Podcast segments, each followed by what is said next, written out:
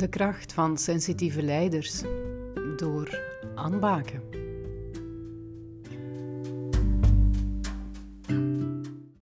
Anne Baken, mag ik jou van harte welkom heten in de boksering? Dank u wel. Voor de mensen die jou niet kennen, jij bent uh, founder van Natural Leadership. Hè? Een uh, mooi bedrijf, als ik de, de website zag. Heel boeiend. Je bent vooral bezig met coaching van bedrijfsleiders en managers. Ja. Maar ook nog een paar andere dingen daarnaast. Hè. Ja. Wat doe je juist uh, binnen dat gegeven? Ja, mijn gegeven is, is vooral het, het, ondersteunen van leidinggevenden. Dat kunnen inderdaad, zoals dat gezegd, managers of zaakvoerders zijn, um, of, of leidinggevende mensen die een team hebben of, of een team verder begeleiden. Dus het coachen is, is een belangrijk aspect. Teamcoaching is ook een belangrijk aspect. En daarnaast uh, schrijven en keynotes geven, ook ja. over dezelfde thema's. Ja. Uh, daar gaan we het straks nog over hebben. Uh, jouw boek, Leider zonder masker. Je hebt uh, onlangs ook een e-book uitgebracht. de kracht van sensitieve leiders. Ja. Daar wou ik jou um, graag een paar vragen over stellen. Hè.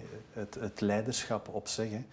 Um, merk je daar veranderingen in? Merk je dat, dat leiders daar gaandeweg een, een andere rol moeten gaan spelen in de hedendaagse omgeving? Ja, absoluut. Maar enerzijds merk je dat mensen bewuster aan het worden zijn, dus dat ze daardoor ook een ander soort leiderschap vragen. En natuurlijk zijn die leidinggevenden ook bewuster aan het worden. Als mensen bewuster worden, leidinggevenden zijn ook mensen, dan worden die ook bewuster.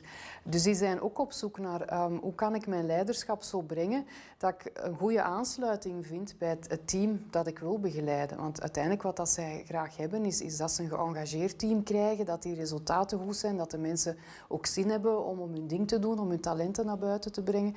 Dus zij zijn ook wel op zoek naar hoe kan ik mijn leiderschap uh, zo vormgeven dat ik daar ook de beste resultaten mee haal. En het verschil met vroeger is dat er toch al heel veel leidinggevenden zijn die beseffen dat de beste resultaten niet alleen cijfermatig zijn. Dat dat niet enkel gaat om omzet, maar dat resultaten ook te maken kan hebben met uh, functioneert mijn team goed, loopt dat vlot. Omdat ze dan wel inzien dat daarna de rest wel komt, de, de cijfers of de omzet of de winst of wat dat ze dan ook willen realiseren. Ja.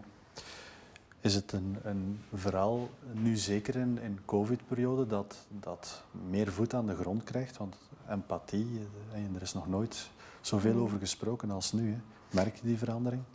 Ja, mensen zijn op zoek, ze zoeken connectie. Hè. Uh, veel mensen voelen zich niet goed, sommigen voelen zich juist heel goed. Dus dat is heel afhankelijk van persoon tot persoon of dat je gedijt in die um, covid-periode of niet.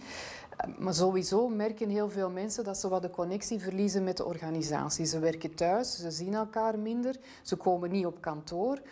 Dus ze hebben zo het gevoel van, ja, wat, wat zit ik eigenlijk te doen thuis? Waarom ben ik bezig? Wat is het nut van mijn werk?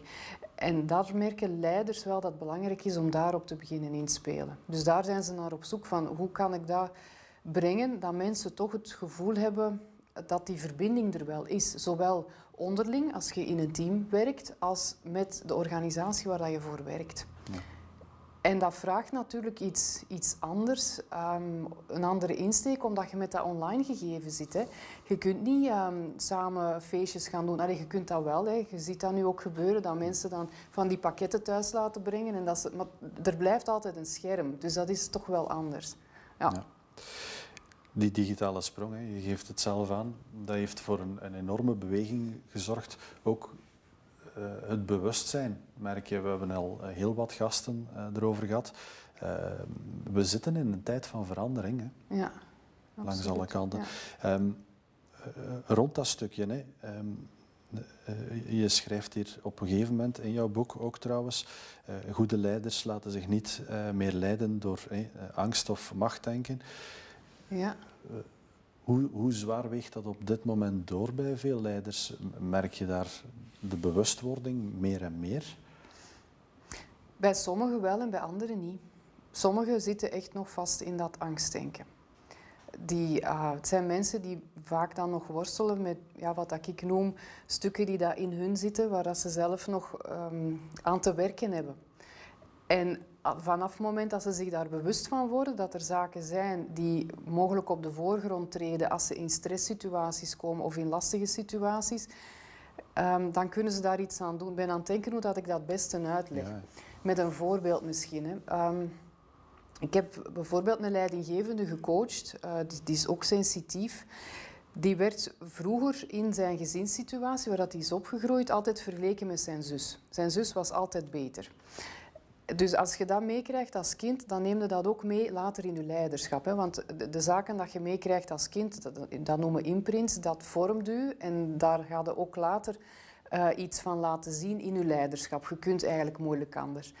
Het belangrijkste is dat je bewust begint te worden van wat zijn die zaken dat ik meegenomen heb en hoe uitzicht dat in mijn leiderschap en wil ik dat ook dat zich dat uit in mijn leiderschap. Wat dat er bij die persoon gebeurde was omdat hij vroeger altijd vergeleken werd met zijn zus die dat dan altijd beter was dan hem, heeft hij zich vanaf kinds af aan aangeleerd om op alles de controle te nemen. Om ervoor te zorgen dat hij alles onder controle had, zodat er toch zeker niks kon zijn waar dat iemand een opmerking op kon maken. Als hij ervoor zorgde dat alles in orde was en dat hij zo goed mogelijk zijn best deed, dan was er minder kans dat hij een opmerking kreeg van zijn moeder. Hij kreeg die dan toch uiteindelijk, want dat was het systeem daarbij. Nu, hoe vertaalt zich dat in zijn leiderschap nu? Hij heeft een team van leidinggevenden die zelf ook allemaal een team hebben.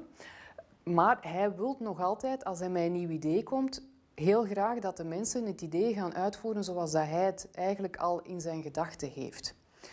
Met als gevolg dat zijn teamleden of de mensen die leiding moeten geven heel weinig vrijheid krijgen om het op hun eigen manier te doen. Want je kunt wel vragen aan mensen van ik wil daar naartoe of dat is het idee dat ik wil uitwerken, maar dat wil daarom niet zeggen dat die mensen dat op dezelfde manier gaan doen als dat hij in zijn hoofd had. Dus dat geeft heel veel spanningen. En hij vond dat zelf eigenlijk ook niet meer leuk, want hij is eigenlijk meer de persoon eh, vanuit zijn sensitiviteit van laat, laat mensen floreren, laat mensen hun eigen ding doen. Maar hij kon het niet loslaten omdat hij elke keer met de schrik zat van als het niet goed is, dan gaat het op mijn nek terechtkomen. Dan ga ik weer het verwijt krijgen dat ik niet goed genoeg ben, dat, dat het, wat dat ik doe niet oké is.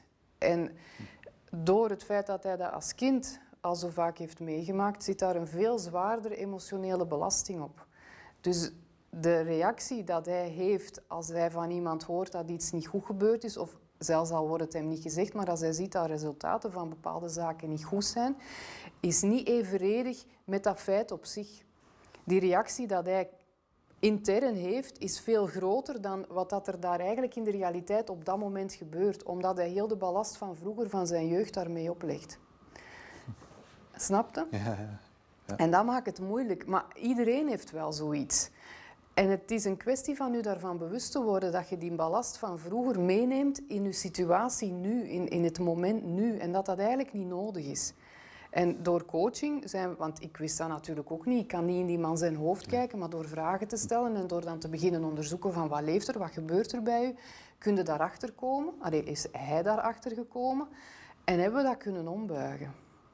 Maar dat is eigenlijk voor mij de essentie van goed leiderschap. Dat je zelf van je eigen weet welke gedachten heb ik nog. Die dat ik meesleur van vroeger, uit mijn kindertijd. Waardoor dat ik eigenlijk niet de leider ben die dat ik wil zijn. Maar waardoor dat ik dingen doe, zoals bijvoorbeeld te veel controle op een team leggen, dat ik eigenlijk niet wil. Maar dat ik bijna niet anders kan, omdat die gedachte mij overneemt.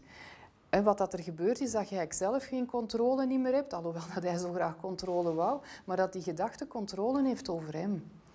En als goede leider, zeker nu, nu dat veel mensen bewuster aan het worden zijn en willen begrijpen waarom ze dingen moeten doen en wat dat het nut van zaken is en u daar ook op gaan aanspreken, is het heel belangrijk dat jij als leider um, heel zuiver en heel sterk met je eigen verbonden bent. En dat je niet wordt beïnvloed door al die imprints van vroeger. Of dat je er tenminste van bewust zijn er iets mee kunt doen. Ja.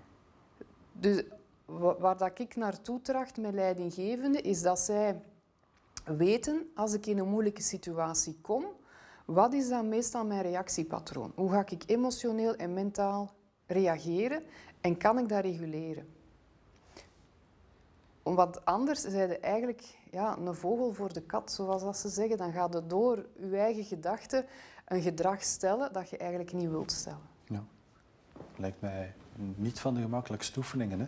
Dat als je nu ziet, uh, bedrijven, covid-crisis, uh, we, we, merken het allemaal dat er iets aan de hand is. En je hebt al die bagage, je bent al wat sensitiever. Ja. Dan, dan uh, krijg je toch wel heel snel die tunnelvisie weer. Hè? Dan, Ja, het is nu, je wordt enorm snel op je rode knoppen geduwd nu, om, omdat je mogelijk al in een, angststuk zit, zoals dat je aangeeft. Hè.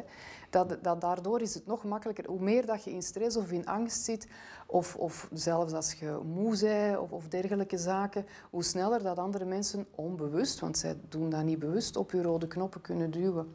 En hoe sneller dat jij een reactie gaat neerzetten die dat je mogelijk achteraf denkt van oei, dat had ik precies beter niet gedaan. Ja. Je hoort het uh, in vele gevallen en in vele bedrijven dat er uh, niet alleen in het topsegment, maar ook gewoon leidinggevenden op de werkvloer daarmee te kampen hebben. Hè. Overal vind je wel iemand die uh, moeten we dan als, als toeschouwer of als, als medemens sneller de link ook maken naar die mensen van ja, er zal allicht wel iets achterliggend zijn waarom dan zij zo reageren? Ja, dat is wat dat in teams heel goed werkt. Vanaf het moment dat mensen met elkaar durven spreken over ik reageerde zo omdat ik op die moment dat dacht. Als je dat met elkaar kunt gaan bespreken, dan gaat er veel meer begrip komen voor elkaar. Maar heel vaak, en vandaar ook de titel van het boek, zetten mensen een masker op. Uh, waardoor dat ze juist die zaken eigenlijk niet willen gaan benoemen. Dat zijn vaak ook de zaken waarvan dat ze liever niet willen dat anderen dat weten. Of waar dat ze zichzelf niet bewust van zijn. Ehm, het kan zijn dat jij nog met iets rondloopt van vroeger, waar dat je totaal geen voeling, geen connectie meer mee hebt, omdat je je eigen zo groot maakt en je zo afsluit van je gevoelens, een soort super-me van jezelf maakt, genre Trump waardoor dat je eigenlijk niet meer voelt wat dat er mogelijk nog bij je speelt, waardoor dat je reageert zoals dat je reageert. Dat is de ene uiterste versie. En de andere uiterste versie is dat je zo gevoelig wordt dat je, dat je niet meer verwerkt krijgt, dat je compleet overprikkeld bent en dat je je mogelijk kleiner maakt dan dat je zou moeten zijn. Om op die manier een beetje te ontsnappen aan, aan de overdruk dat er is. Ja, straf. Hoe ben je hierbij gekomen, Anne? Ja, Um, ik ben zelf sensitief, ben zelf ook introvert, dus dan kom je zelf ook wel uh, een aantal van die dingen tegen. En je begint als sensitieve ga je sowieso gemakkelijker aan zelfonderzoek doen. Dat is een voordeel en een nadeel. Een voordeel omdat je, doordat je jezelf vaak uh, in vraag stelt, aan zelfreflectie doet en zo jezelf beter leert kennen, waardoor dat je ook beter weet van wat speelt er, welke gedachten ja, gaan mij eventueel nog overnemen of controleren. En dan kunnen daar ook iets mee doen. Dat is de positieve kant. De negatieve kant is door het feit dat je jezelf zoveel in vraag stelt, dat je veel meer aan jezelf begint te twijfelen en dat je eventueel een laag zelfbeeld kunt gaan ontwikkelen. En dat is dan ook niet waar dat je het in terecht wilt komen. Um, dus het is een beetje navigeren en, en zorg, vooral ook wat dat helpt, is feedback vragen aan andere mensen, waardoor dat je niet in je eigen uh, destructieve zelfreflectie terechtkomt. Als er iets gebeurt op het werk en je neemt daarvan de volledige verantwoordelijkheid op u, dat is sowieso iets dat eigenlijk niet klopt, want de verantwoordelijkheid is altijd gedeeld als het gebeurd is met iemand anders. Sensitieven hebben de neiging om vooral bij zichzelf te gaan nadenken: wat heb ik verkeerd gedaan? Hoe heb ik dat toen aangepakt? Wat had ik beter anders gedaan? Dus heel die film opnieuw afspelen. En dan vooral gaan zoeken naar wat moet ik anders doen, waardoor dat ik dat de volgende keer ga kunnen vermijden. Ja. En wat dat ze niet doen, is gaan kijken wat is het aandeel van de ander. Hoe kan ik de ander daarover aanspreken? Ze nemen de zaken te veel op zich. Worden we daar ook niet een stukje en dan, dan duid ik het echt op man-vrouw, gedreven ook door het macho-gedrag dat er heerst in bedrijven, de, de alfa-leiders. En, en, Ja, dat is nog altijd het stereotype beeld van de leidinggevende. Hè. Want zoals dat gezegd in alfa-man, heel outgoing, heel zelfzeker, um, die dat veel daadkracht heeft, snel beslissingen kan nemen. Dat is nog altijd het, het stereotype beeld dat in onze cultuur heerst van een leider. En daardoor gaan ook dat soort type van mensen gekozen worden tot leider. Nu, ik ben van de overtuiging dat dat daarom niet de goede leiders zijn.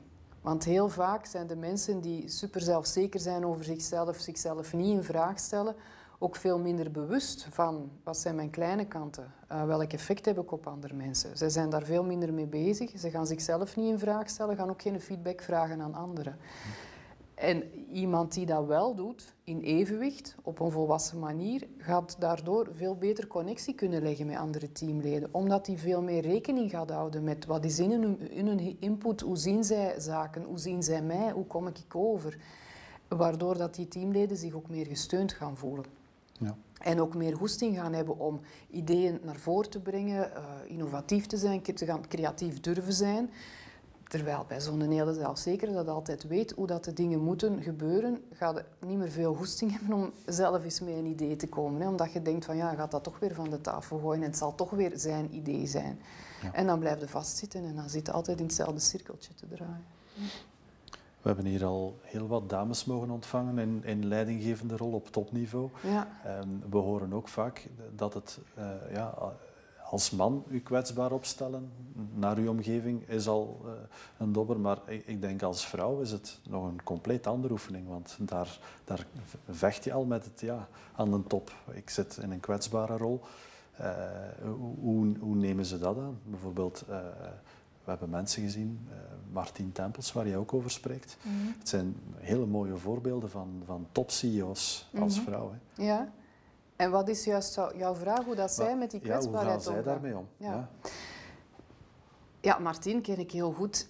Zij heeft daar voor zichzelf ook al heel veel aan gewerkt.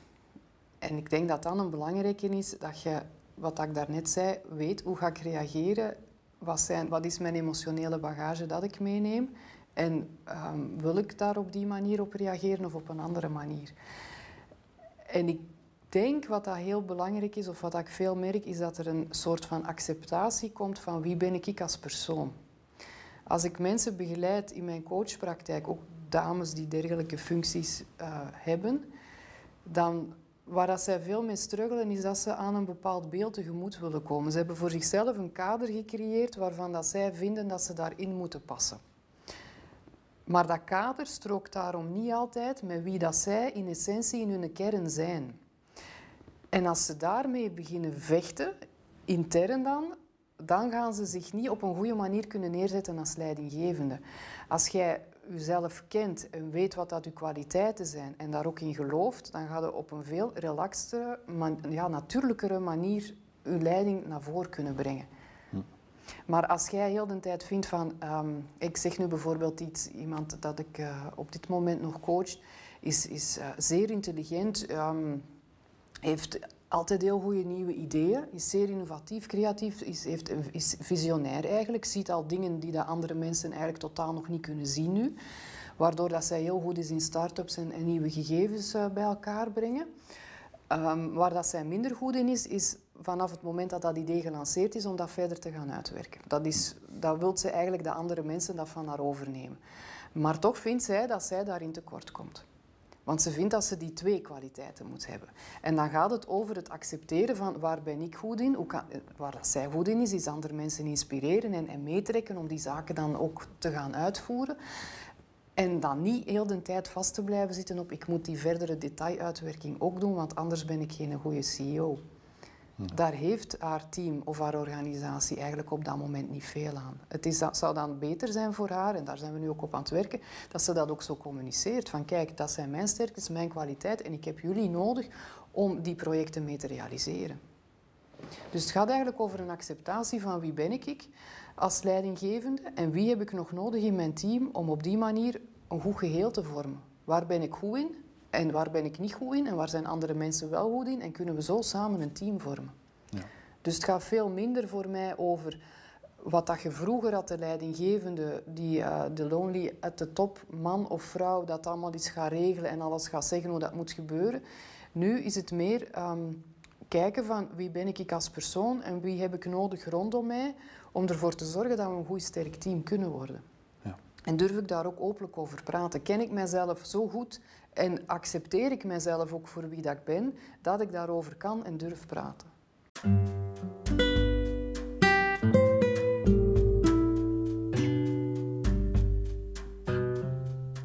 De kracht van sensitieve leiders door aanbaken.